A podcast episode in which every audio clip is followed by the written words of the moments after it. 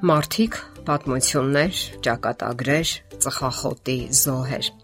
Հազարավոր ողբերգական պատմություններ կան։ Յուրաքանչյուր նման պատմության հետևում մարդկային խեղված ճակատագրեր են, անժամանակ մահեր, մեկը մյուսից ավելի անիմաստ, անհեթեթ ողբերգություններ, դրանք կարող էին եւ չլինել։ Սակայն մեր աշխարհում գործում է մահվան թափանիվը կամ արդյունաբերությունը։ Յուրաքանչյուր այսպիսի պատմություն ստիպում է մտածել, ովքեր են կանգնած ծխախոտային կամ մահվան արդյունաբերության հետևում Այդ ինչ դիվային ոգեշնչվածություն է, որ զարգ է տալիս տարապանքների, լացի ու ցավի այդ արդյունաբերությունը, օգտվելով մարդկային թուլությունից եւ իսկապես սատանայական կախվածության մեջ գցելով։ Շատերն այդպես էլ չեն կարողանում ազատագրվել ծխախոտի մահացու ճիրաններից, իսկ երբ ազատագրվում են, այլևս ուշ է լինում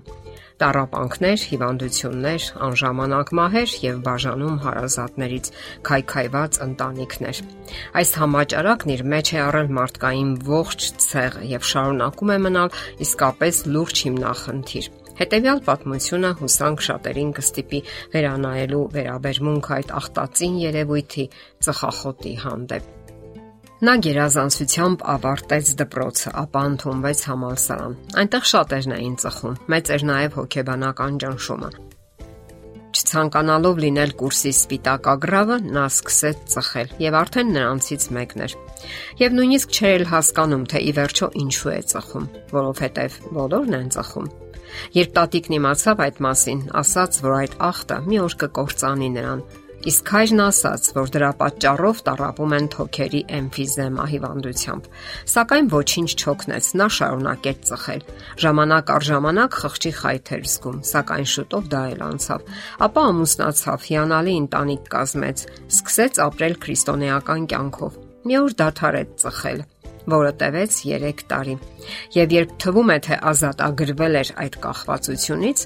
մի օր դարձյալ չդիմացավ եւ նորից սկսեց։ Աշխատանքի բերումով նա դադարեց եկեղեցի հաճախել, որոշ ժամանակ միայնակ էր։ Ձերքին էին գովազդները, որտեղ ասվում էր այնպիսի ծխախոտների մասին, որոնց մեջ նիկոտինի կամ խեժի պարունակությունը ցածր էր։ Չդիմացավ Հետո խոստովանեց, որ պատճառը միայն ու միայն իր թուլությունն էր եւ խելահեղ կիրքը նիկոտինի հանդեպ։ Նա ճիշտ չգնահատեց այն իրավիճակն ու վտանգը, որի մեջ գտնվում էր։ Իսկ ժամանակն անցնում էր։ Նա սկսեց ֆիզիկական թուլություն զգալ։ Հևում էր աստիճաններով բարձրանալիս, հազում էր գիշերները, իսկական ծխողի հազով։ Եվ ահա մի անգամ աղջկա ծննդյան օրն էր։ Նա սովորաբար փուչիկներ էր փչում եւ դրանցով զարդարում տունը։ Երբ փորձեց փչել առաջին փուչիկը, զգաց, որ չի կարողանում։ Դա տագնապի առաջին ազդանշանն էր։ Դեռ երբեք նման բան չէր եղել։ Անհանգստացած կինը համարյա պարտադրեց, որ նա բժշկի դիմի նշկամությամբ համաձայնեց։ Չէ որ ոչ մեկը չի պատկերացնում, որ հենց իր հետ պետք է նման բան պատահի։ Իսկ կրծքավանդակի նկարը ցույց տվեց, որ նորմայից շեղում կա։ Ավելի մանրամասն հետազոտություններից հետո ողջվեց, որ կրծքավանդակի ցախ կողմում ուռուցք կա, որը ենթակա չէ վիրահատման։ Իմանալով այդ մասին նա ամայություն զգաց Սկսեց մեղադրել բոլորին եւ նույնիսկ Աստծուն։ Չէ՞ որ նա ընդամենը 58 տարեկան էր, իսկ ուռուցքաբանները խորհուրդ էին տալիս անմիջապես սկսել քիմիոթերապիան։ Նրանք ասում էին, որ 70% բարելավում կլինի։ Սկզբում նա չէր ցանկանում, սակայն հետո տեղի տվեց։ Բավական գումարներ էին անհրաժեշտ դրա համար։ Դրանից հետո նա ճաշակեց նաև քիմիոթերապիայի ողջ դարը հետևանքները թափվեցին մազերը եւ այլ կողմնակի երևույթներ։ Դարձյալ սկսեց մտածել, իսկ արժե արդյոք նորից ենթարկվել այդ տարապանքներին այս երկրային անցողի կյանքում մի փոքրել ապրելու համար։ Նա մահ էր տենչում, սակայն ընտանիքը եւ կարեկից բուժանձնակազմը, ինչպես նաեւ հոգեվոր ծառայողը համոզեցին անցնել բուժման հետագա կուրսերը։ Այժմ նա սկսեց հասկանալ Դավիթ Թագավորին, երբ նա գրում էր մահվան հովտի մասին։ Հետ նայելով, վերարժեքավորելով իր համեմատաբար կարճ կյանքը, նա ցավ զգաց այն բանի համար, որ անգթորեն չարաշահել է Աստծո ապարքեված կյանքը եւ առողջությունը։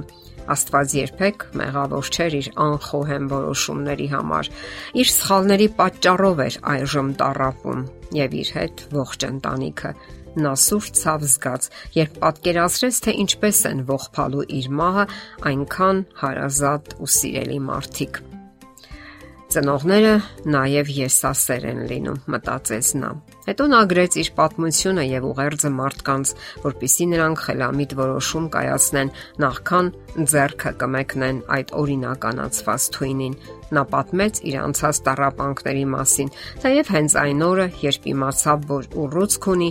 վերջ տվեց ծխելուն սակայն արդեն ուշ էր։ Նա գրեց իր պատմությունը, որpիսի այն դաս լինի շատերի համար, որpիսի նրանք իմանան, որ այդ ախտը չի խնայում ոչ մեկին, որ մարդկանց զգալի մասը հզոր արդյունաբերության, հզոր գովազդների անմռունջ զոհն է։ Որոշ ժամանակ անց իհարկե նա մահացավ, սակայն պատմությունը սրանով չի ավարտվում։ Այսօր այն շատերի պատմությունն է։ Մենք չենք իմանում այն շատերի մասին, ովքեր աննկատ հեռանում են այս կյանքից, անժամանակ, ծանր եւ տառապալի մահով։ Պատճառը ծխախոտն է։ Այս մասին շատ է խոսվում, շատ է ասվում, շատ է քարոզվում։ Եվ այնուամենայնիվ մեկ անգամ եւս խորհեք, թե ինչ եք անում ամեն անգամ, երբ ձեր ձեռքը մեկնում եք մահաբեր ծխախոտին, ում եք վնասում։ Եթե ոչ ձեզ, դուք անցնում եք մահվան հովտով, որտեղից այլևս վերադարձ չկա որքան էլ ձեզ խափեն, թե ինչ որ մեկի papa ծխել է եւ ապրել է 100 տարի։ Եթերում է առողջ ապրելակերպ հաղորդաշարը։